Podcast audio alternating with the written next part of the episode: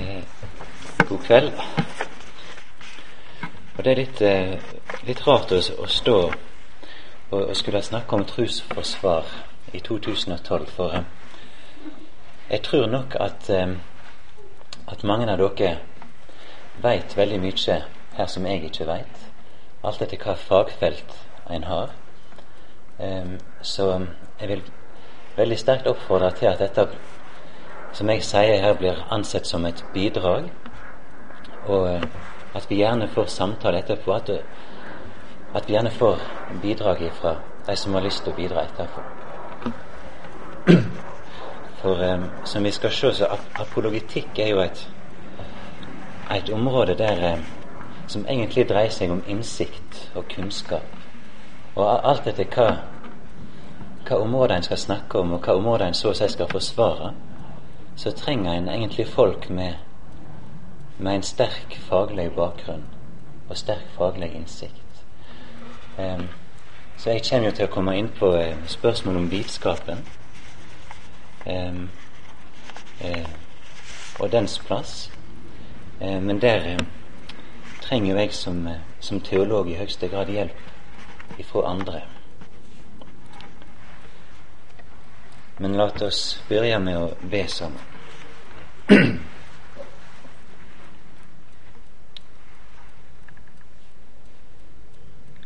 Gode, heilage, treenige Gud, Fader, Sønn og Heilag Ande.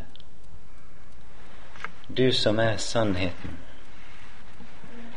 Vi ber deg om hjelp til å tenke sant om deg og om den verden du har skapt, og den virkeligheten vi eksisterer i. Herre, miskunne oss for Kristi skyld. Amen.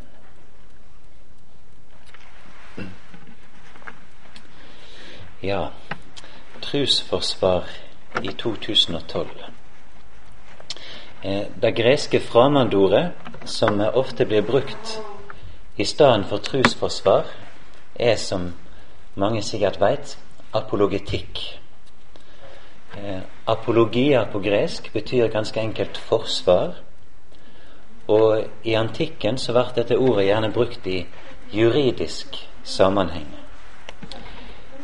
I andre Timotius brev, eh, kapittel 4, vers 16, så sier Paulus f.eks.: Ved mitt første forsvar møtte ingen med meg, men alle forlet meg. I den greske teksten er det ordet apologia som er brukt om forsvar ved mitt første apologia. Eh, et kanskje mer kjent eksempel er Sokrates' forsvarstale, eller Sokrates' apologia, som Platon skrev etter at Sokrates hadde blitt henrettet i Aten i året 399 før Kristus. Men eh, i kirkehistoria så har dette ordet apologetikk fått sin egen og helt presise betydning, nemlig intellektuelt forsvar for den kristne trua. Eh, når en leser om oldkirka, så eh, møter en også snart betegnelsen apologetene eller trusforsvarerne, som var aktive i om lag 100 år, ifra år 120 til 220 omtrent. Eh, Somme av de mest kjente av disse apologetene, trusforsvarerne, er Justin Martyr, Aristides, Minucius Felix og ikke minst Tertulian.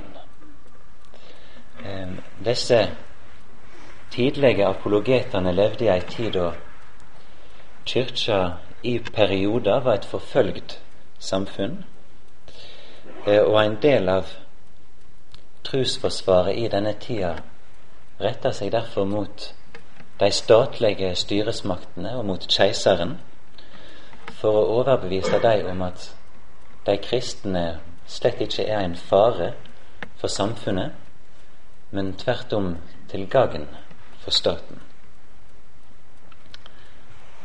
I oldkirka og i oldtida, så florerte det òg med løgner eh, og misforståinger om de kristne. Og apologetikken gikk òg ut på å oppklare disse misforståingene og drive tilbake løgnene.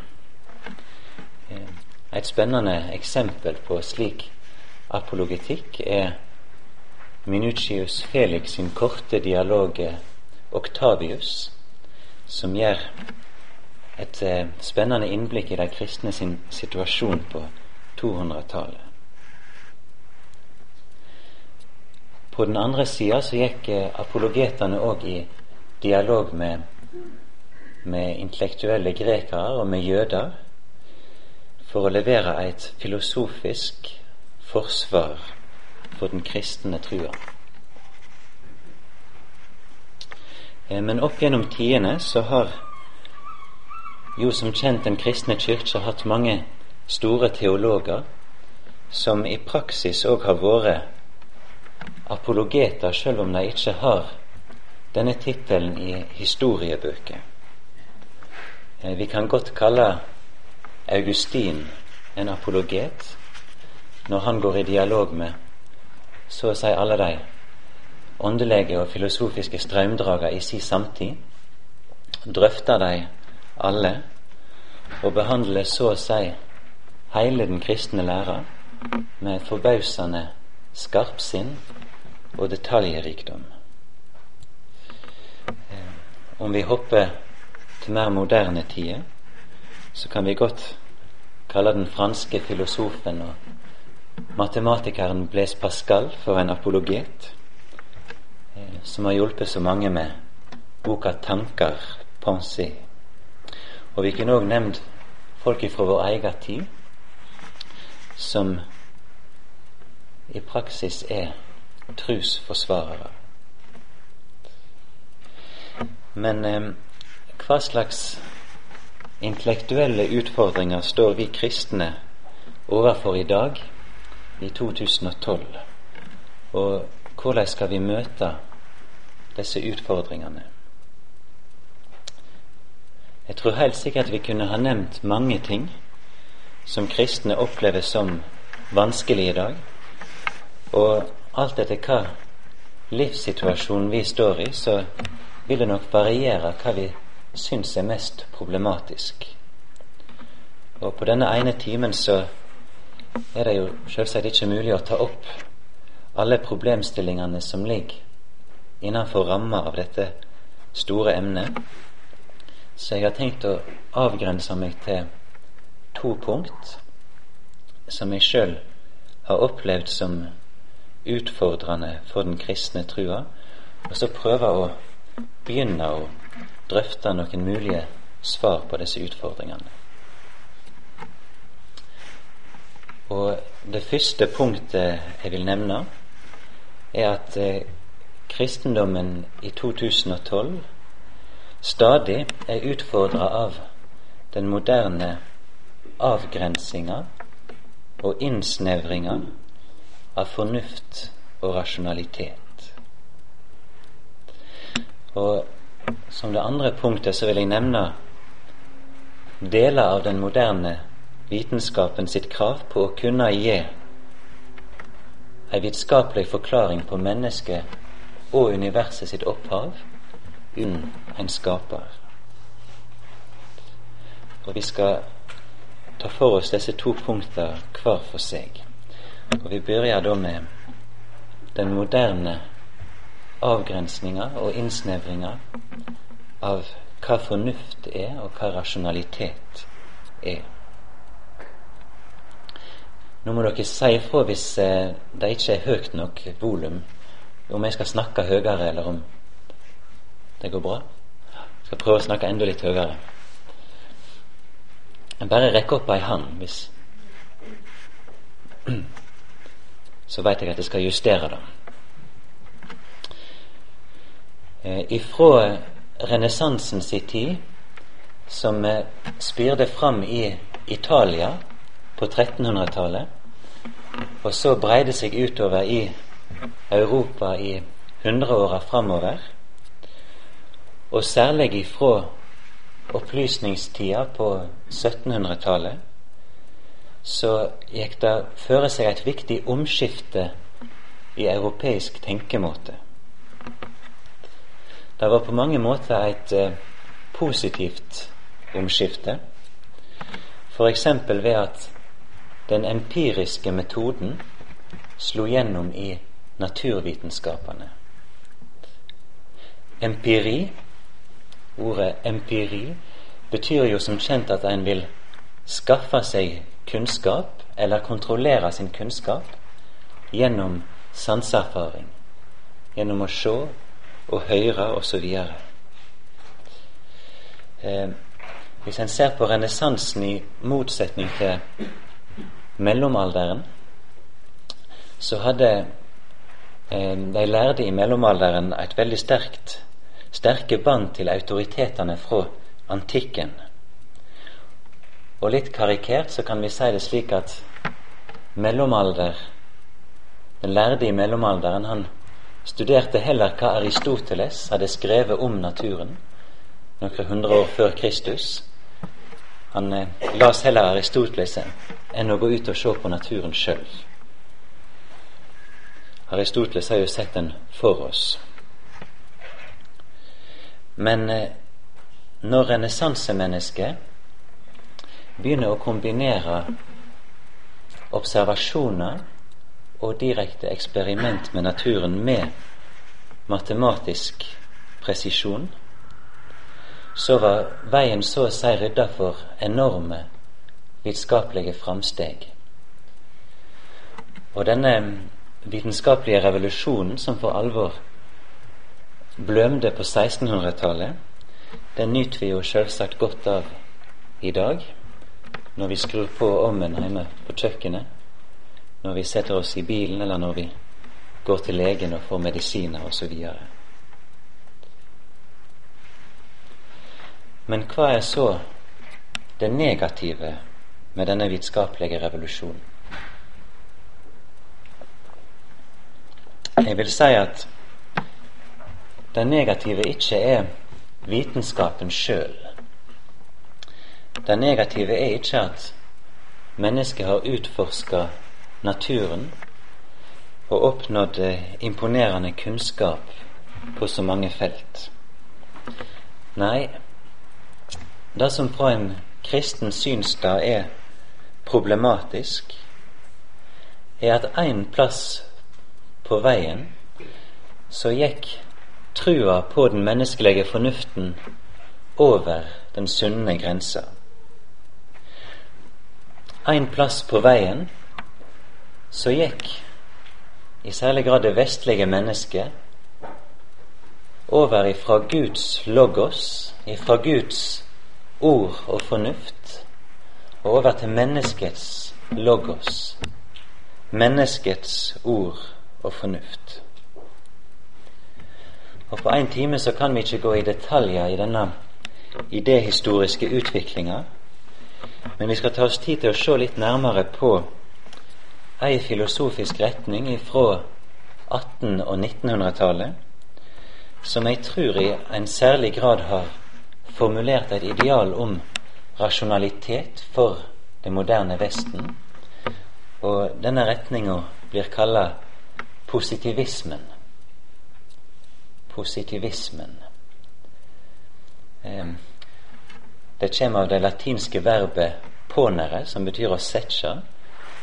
I perfektum participio, det positum. Det vil si altså positivismen, filosofien om det som er satt framfor oss, på en måte. Og det vil forhåpentligvis komme fram hvorfor den heter det. For hva mente positivistene?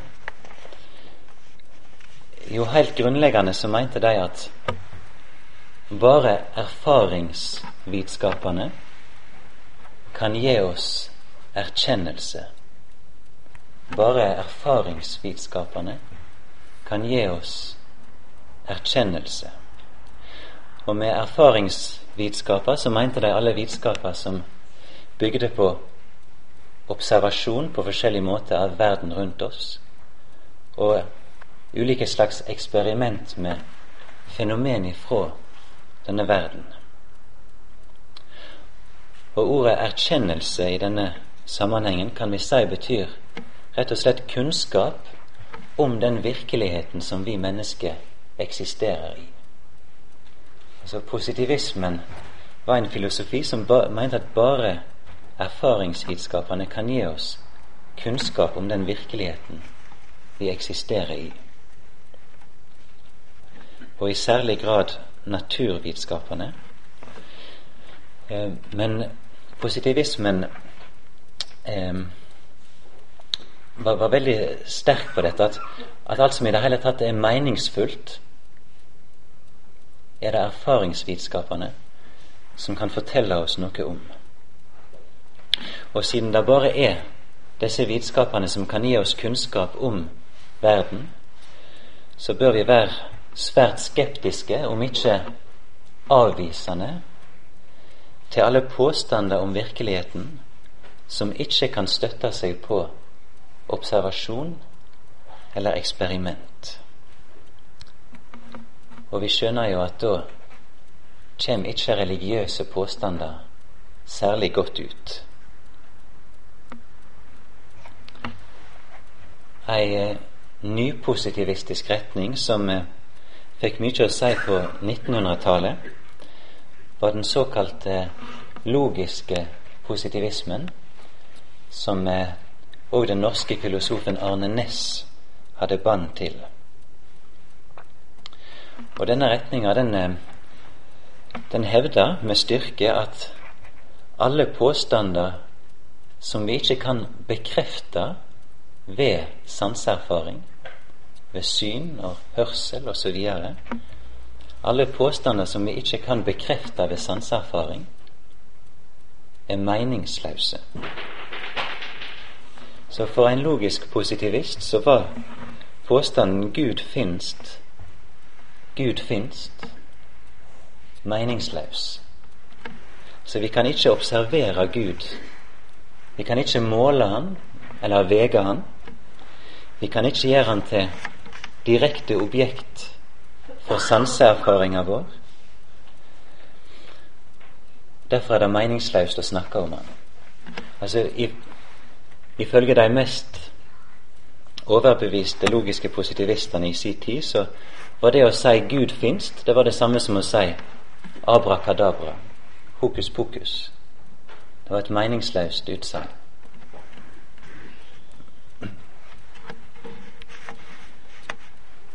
Om vi så tar et blikk på vår egen tid, så har jeg ikke inntrykk av at særlig mange i dag, heller ikke akademikere, vil kalle seg positivister. Og den logiske positivismen, den opphørte å eksistere som filosofisk retning på 1950-tallet. Og han har òg fått altfor mye saklig og god kritikk til at noen nok vil kalle seg logisk positivist i dag.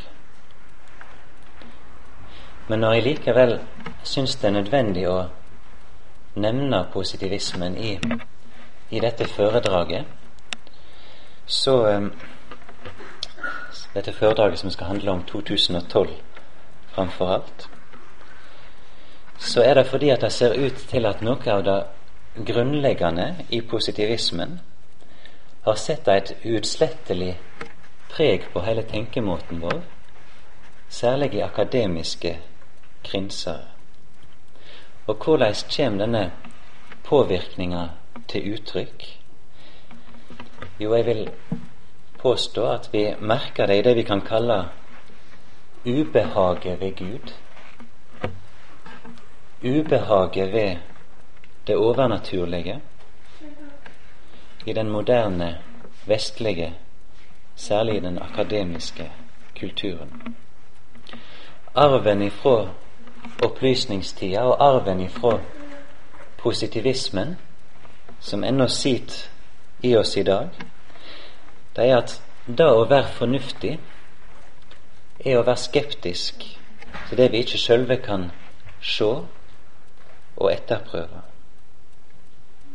Mitt inntrykk er at rasjonalitet i dag spontant blir oppfatta som da å sette sin lit til erfaringsvitenskapene, og på samme tid holde alle påstander som ikke kan bekreftes gjennom erfaringsvitenskapene, på ei armlengds fråstand.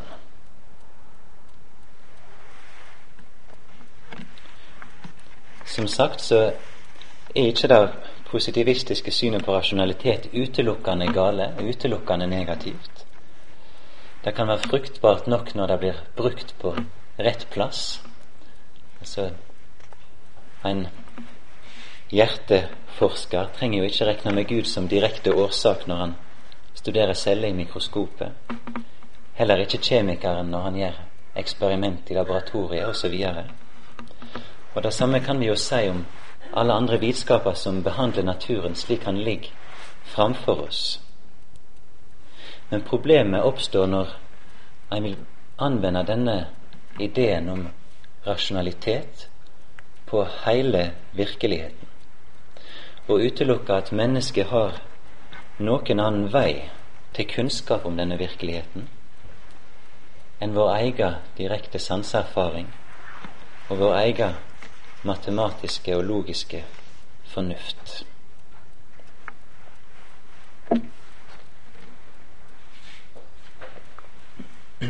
Og på bakgrunn av denne arven ifra opplysningstid og positivisme, så har vi òg den underlige situasjonen på de fleste europeiske teologiske fakultet i dag at Gud og det overnaturlige, som vi kaller det, rett og slett ikke får plass i bibelforskinga sine metoder.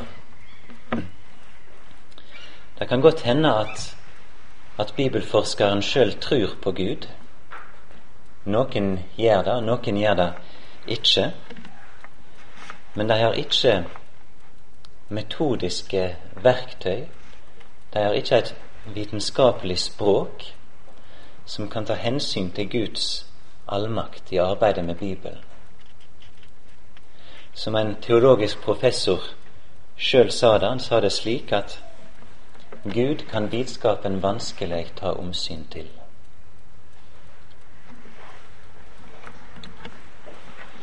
Men eh, den positivistiske oppfatninga av eh, virkeligheten gjør seg ikke bare gjeldende på teologiske fakultet.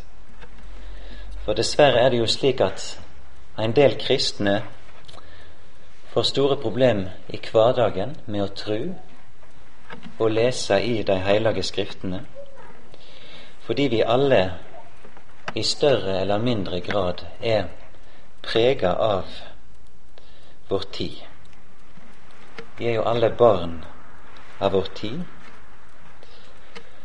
Og ubehaget ved Gud, ubehaget ved det overnaturlige, eller det som går over vår forstand, det kan òg snike seg inn hos kristne når vi går inn i lønnkammeret for å be, eller når vi åpner de hellige skriftene. Og når denne skepsisen først får rom i sjela, så går bibellesing raskt over fra å være oppbygging til å bli ei intellektuell utfordring. Og i stedet for at vi leser om Guds store gjerninger i historia og lærer å frykte og elske Han, så blir spørsmålet hvordan i all verden vi kan leve med disse halvmytologiske fortellingene, vi som er moderne, opplyste tenkende menneske.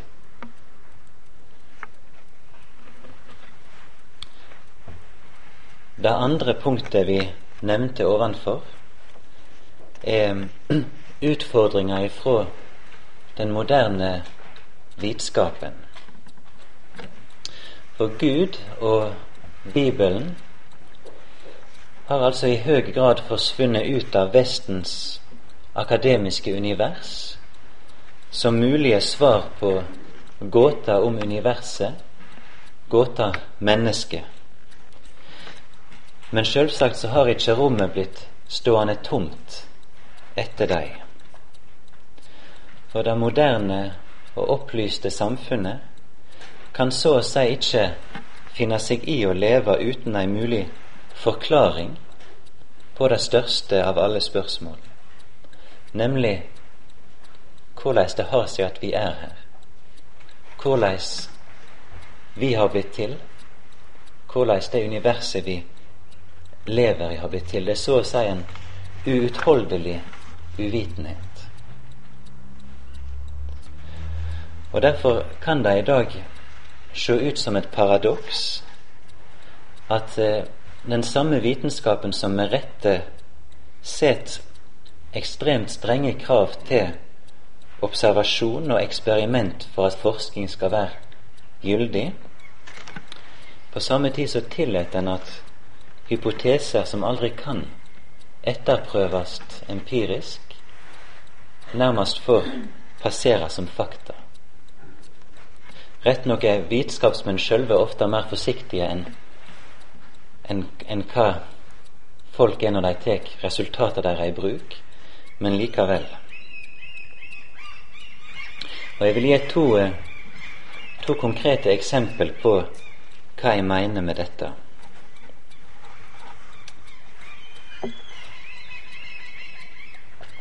Den 6. april 2011 var jeg i Roma, eh, og jeg kjøpte dagens utgave av avisa La Repubblica. For ikke sjelden så står det viktige og informative artikler i italienske aviser. De har et nokså rikt kulturliv. Og denne dagen hadde de ei interessant bokmelding med følgende overskrift. Det sto La filosofia è morta, solo i fisici spiegano il cosmo. Og omsett til norsk så blir det Filosofien er død, bare fysikken kan forklare universet. Boka det handler om, er skreven av den vidkjente fysikeren Stephen Hawking og en av påstandene hans er at universet kan og må ha blitt til uten Gud. Kort fortalt så hevder artikkelen at fysikken nå har gjort så banebrytende framsteg at de fremste forskerne er nære ved å kunne forklare hvordan universet har oppstått ved fysiske prosesser uten at noen skaper står bak. Så somme vitenskapsmenn, ikke alle, men somme, mener altså at de evner, eller snart vil evne, å forklare den største av alle gåter, universet sitt opphav. Men hva så med mennesket?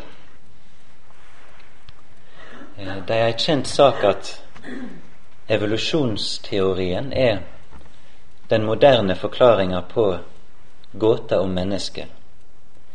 Men eh, jeg vil likevel sitere et avsnitt om denne teorien fra en ny eh, dansk populærvitenskapelig eller vulgærvitenskapelig traktat, eh, skrevet av en sjølutnevnt filosof ved navn Lene Andersen.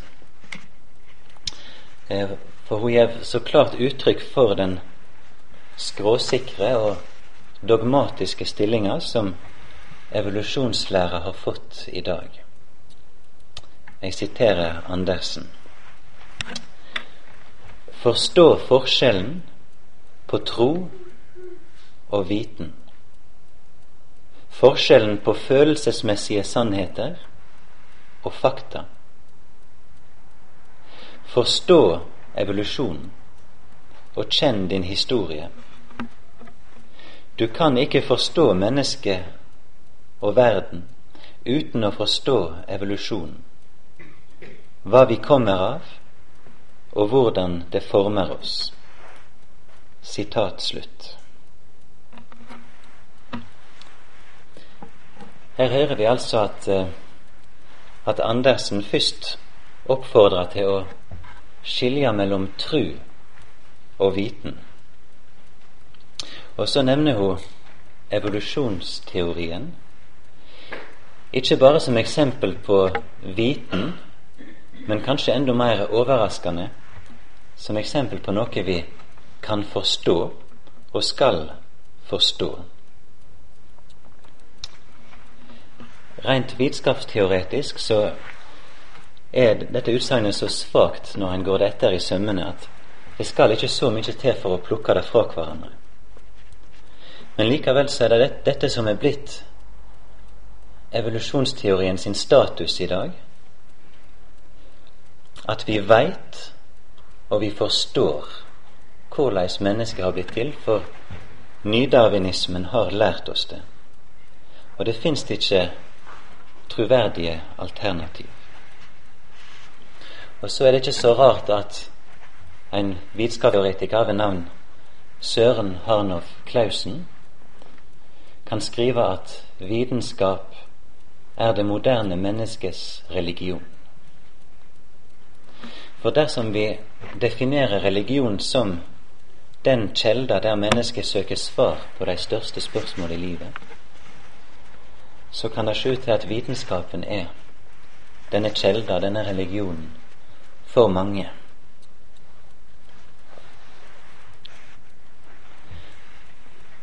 Hva skal vi som kristne svare? For å oppsummere så kan vi slå fast at i alle fall to store spørsmål fram av det vi har sett ovenfor. For det første er det naivt av oss kristne å tro Bibelen når han forteller om overnaturlige hendinger som de fleste rundt oss umiddelbart stemples som mytologiske, f.eks. at Jesus sto opp ifra grava, er det eneste fornuftige å slutte seg til ei moderne tolking av virkeligheten. Og for det andre hva skal vi som kristne si når somme forskere mener å ha funnet vitenskapelige svar på spørsmålet om universet og mennesket sitt opphav uten at Gud er med i forklaringa. Når vi nå skal prøve å svare litt på dette, så tror jeg det kan være nyttig å begynne med å stille det helt grunnleggende spørsmålet om hva vi mennesker egentlig kan si at vi veit. Hva veit vi, og hva må vi tru? Eh, for når en tenker nærmere over det, så kan vi i alle fall skille mellom tre former for kunnskap. For det første kunnskap på grunnlag av vår egen sansing og tenking. Og for det andre kunnskap på grunnlag av studium, f.eks. av kildetekster eller av media. Og for det tredje kunnskap på grunnlag av tillit. Og Vi skulle gjerne hatt mer tid til å gå inn i disse ulike formene for kunnskap. Og Det er ikke slik at det er vassthet til skodd mellom dem. De griper jo over i hverandre. Eh, men siden vi ikke har så mye tid, så skal jeg hoppe rett til konklusjonen. Eh, nemlig at en, en konsekvent kritikk av menneskelig kunnskap tvinger oss til å vedgå at vi egentlig tror det meste av det vi i hverdagen tenker at vi veit. Eh, for å gjøre det mer klart hva jeg mener, så skal jeg sette fram to påstander som er baserte på direkte studium av kjelder. Altså først ei moderne, og så ei antikk kjelde. Første påstand. I avisa Dag og Tid den 18. mai 2012 så skrev redaktør Svein Gjerdåker at vi bør heve prisene på norsk mat for å støtte landbruket. Andre påstand. I historieverket Anales så forteller romeren Tacitus at vold og korrupsjon setter lovene ut av kraft i perioder av keiser Augustus' herredømme. Så kan vi spørre oss hva, hva vi egentlig har gitt til kjenne med disse to påstandene. Og Det mest grunnleggende jeg legger for dagen i den første, er kanskje at jeg har full tillit til at det var Svein Gjerdåker som skrev lederen i Dag og Tid den 18. mai, og ikke en hver annen. Men eh, hvordan kan jeg egentlig vite det? I den andre påstanden så gir jeg ikke bare til kjenne at jeg er overbevist om at den romerske aristokraten Tacitus virkelig har levd, men også at det er hans skrifter som har blitt troverdig overleverte gjennom nesten 2000 år, og i dag står på skrivebordet mitt i ei presis og nøyaktig tekstutgave. Men hvordan kan jeg egentlig vite det? Jeg kan selvfølgelig begynne å forske på det, gjøre undersøkelser og få en mer velfundert tru. Men det spontane er at jeg ikke veit, men jeg trur. Både med avisartikkelen og med den antikke historikeren. Og Slik kan vi halde fram og se at menneskelivet er i høy grad bygd på tillit, og vi ville jo bli gale og paranoide om vi støtt og stadig skulle problematisere tillitsspørsmålet. Selvsagt så er en nødt til å spørre seg hva grensa går mellom det vi med god grunn kan ta for gitt, og det vi bør være skeptiske til. Vi vet jo at både aviser og lærebøker inneholder feil, og inneholder tendensiøse framstillinger. Men det vi må understreke, er at grensa mellom tillit og skepsis ikke trenger å gå mellom nåtid og fortid. Og strengt tatt så er alt fortid, bortsett fra nå og i morgen. Og det som alt kommer an på, er om kjeldene som forteller om fortida, er troverdige eller ikke. Vi skal lese et avsnitt fra 1. Johannes brev, kapittel 1, eh, vers 1-3.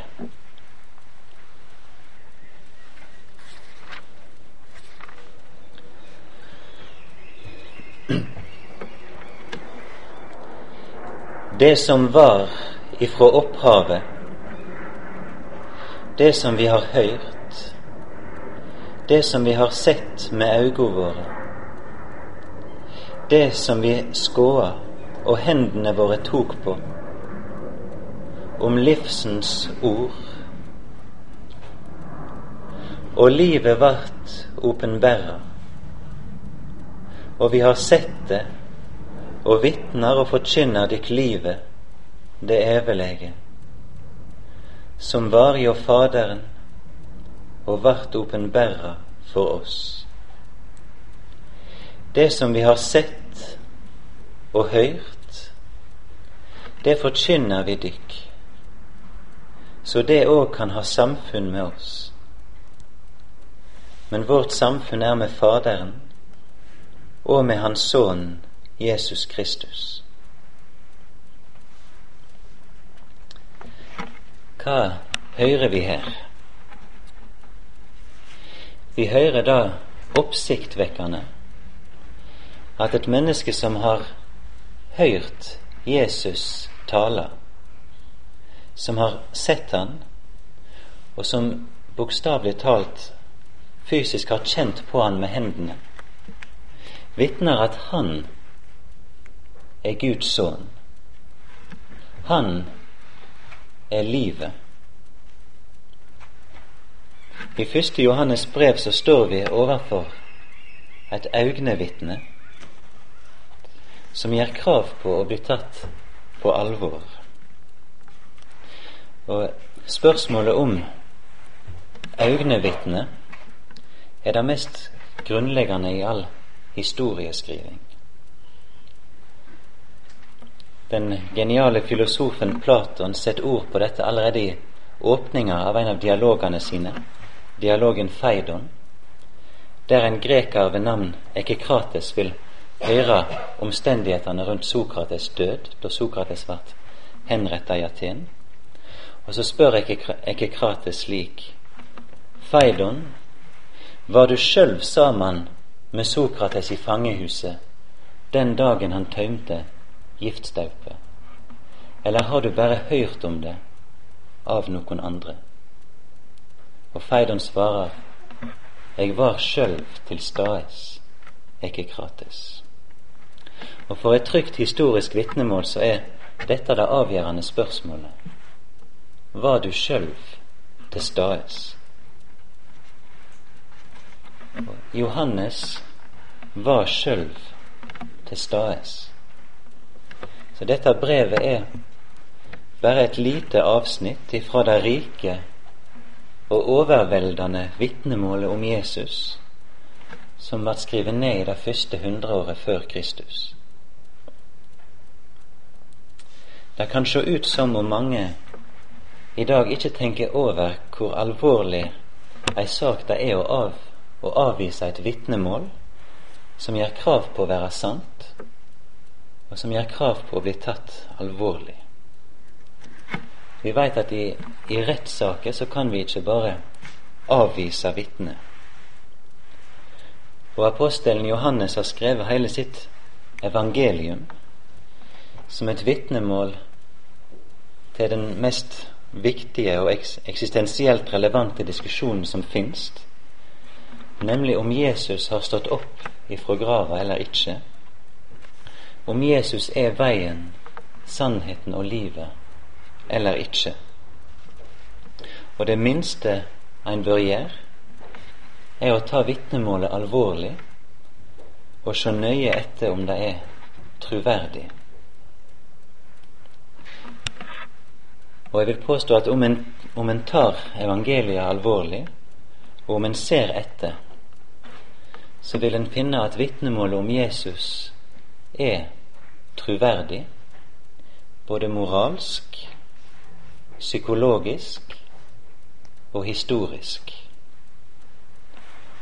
Det er moralsk tillitvekkende fordi det er utenkelig at mennesket med en så høg etikk som apostlene, som i Skriftene sine kategorisk fordømmer all form for løgn og usannhet, at de sjølve skulle være bedragere.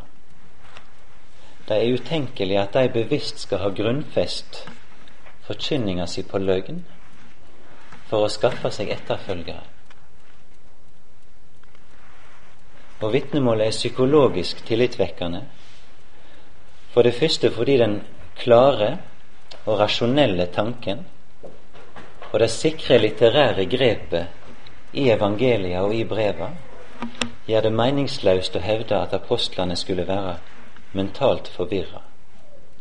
Det er utenkelig at mennesker som er offer for illusjoner, innbilninger eller annen synkverving, kan skrive slik. Og det er også utenkelig at mennesket ville lide så mye vondt for et bedrag. Apostlene ble ikke rike på gull i tjeneste for evangeliet. De ble ikke mektige. De fikk ikke ære i menneskeauga, men tvert om spott, forfølging og martyrdød. Og så for det tredje så er vitnemålet historisk troverdig, ikke minst. Fordi evangelia og breva vekker tillit i lys av det vi allerede veit om antikken og det miljøet som de ble skrivne i. Og For å bare ta et lite eksempel som egentlig er tankevekkende, er at det var kvinner som var de første vitner etter oppstandelsen. Det var kvinner som meldte fra til de vantru apostlene om at Herren hadde stått opp ifra grava. Men her skal vi huske at historikeren Josefus skriver at kvinner sitt vitnemål ikke var godtatt, og det var ikke regna som tvingende i samtida. Vanlige kvinner hadde ikke en status som vekte autoritet og tillit. Og så er det naturlig å spørre seg hvis en bedrager hadde skrevet evangeliet, ville han ha valgt kvinner som de første vitnene? Kvinner som ikke hadde juridisk truverde, som hadde lite de skulle sagt i tidas samfunn. Jeg tror ikke det. Og det er bare en av mange større og mindre detaljer som gjør Skriftene historisk troverdige. Men så kommer den naturvitenskapelige innvendinga med rot i den positivistiske vestlige virkelighetsoppfatninga. Denne innvendinga sier at lammet ikke kan stå opp og gå rundt. At fem brød og to fisker ikke kan mette flere tusen munner. At en korsfesta mann ikke kan dø, bli begravd og så stå opp igjen. Vi kristne ser jo selvfølgelig, og vi vedgår selvsagt, at det er en vesentlig forskjell på påstander om historier som sprenger naturlovene slik vi kjenner og formulerer naturlovene, og på påstander om historien som ikke sprenger naturlovene. Så er det to helt ulike ting å hevde at Cæsar ble drepen av Brutus og Cassius i år 44 før Kristus, og på å hevde at Jesus sto opp fra grava rundt år 30 etter Kristus. Det er en kategoriforskjell mellom de to påstandene. For ut ifra vår egen erfaring om verden så veit vi at tyranner av og til blir drepne av motstanderne sine, slik Cæsar ble. Men ut ifra vår egen erfaring så kjenner vi ikke til at de døde står opp. Men det som er avgjørende i denne saka, er at vi ikke kan gjøre vår direkte sanseerfaring til målestokk for hva som er virkelig, og hva som ikke er virkelig. Hva som kan ha hendt og ikke hendt. For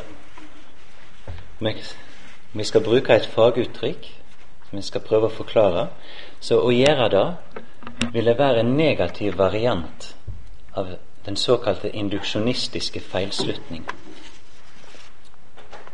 For induksjonsproblemet spiller en viktig rolle i vitenskapsteorien og går ut på at vi aldri kan slutte ifra noen til alle.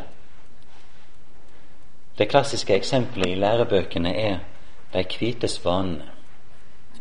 Hvis jeg har observert 10 000 hvite svaner, og jeg har leita i årevis for å finne svaner med en annen farge uten å finne det. Kan jeg da hevde at alle svaner er hvite? Nei, jeg kan, jeg kan ikke det. Sjølvsagt. For ei tid siden så fantes det bare hvite svaner i Europa, men så oppdaga en at det fantes svarte svaner i Australia, og så falt teorien om at alle svaner er hvite til jorda. Men på samme måte, men med negativt fortegn, så er det heller ikke intellektuelt forsvarlig å si i møte med evangeliet sine mirakelfortellinger at fordi jeg aldri har opplevd dette, fordi jeg aldri har hørt eller sett noe slikt, så kan det aldri ha skjedd. Det fantes ikke hvite svaner her i Europa for ei tid siden, men de fantes som sagt i Australia. Vi har ikke hørt om mennesker som står opp fra de døde iblant oss. men vi har et troverdig vitnemål om Han som døde og sto opp igjen, ja, Han som lever i dag.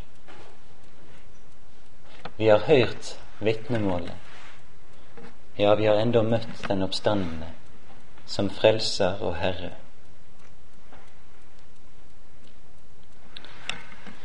Så skal vi avslutte med å se kort på det andre spørsmålet som ble reist, nemlig om eh, naturvitenskapen sitt krav på å ha forklart gåta universet, gåta mennesket, uten Gud. Eh, I lys av det vi har sagt om å tru og å vite, så mener jeg at et enda viktigere skille enn mellom nåtid og fortid går mellom kunnskap om naturen slik han ligger framfor oss, på den ene sida, og kunnskap om naturen slik han var, på den andre. De fleste vil nok være enige i at forskjellen er stor mellom et kjemisk eksperiment som hver en forsker i hvert et laboratorium til hver ei tid kan etterprøve, og på en evolusjonsteori som aldri kan bli gjenstand for empirisk etterprøving. Og De fleste vil nok òg være enig i at det er stor forskjell på å studere anatomi ved å dissekere dyr og mennesker på den ene sida, og så på den andre sette fram ulike hypoteser om menneskets utvikling. F.eks. at virveldyr og virvelløse dyr er i slekt, slik en av grunnpåstandene i darwinismen er, uten at det fins bevis for det i fossilene. Kort sagt så er det ingen tvil om at sunn vitenskapsteori maner til å være varsomme når en setter fram hypoteser om naturen slik han var, om den prehistoriske fortida, altså fortida før de skriftlige kjeldene, og ikke minst om sjølve opphavet. Sjølsagt må forskerne få tenke fritt, og selvsagt må de få lage teorier så mye som de ønsker. Men dersom de er ærlige vitenskapsmenn, så må de sanne at gåta eksistens, gåta menneske, har de ikke nøkkelen til.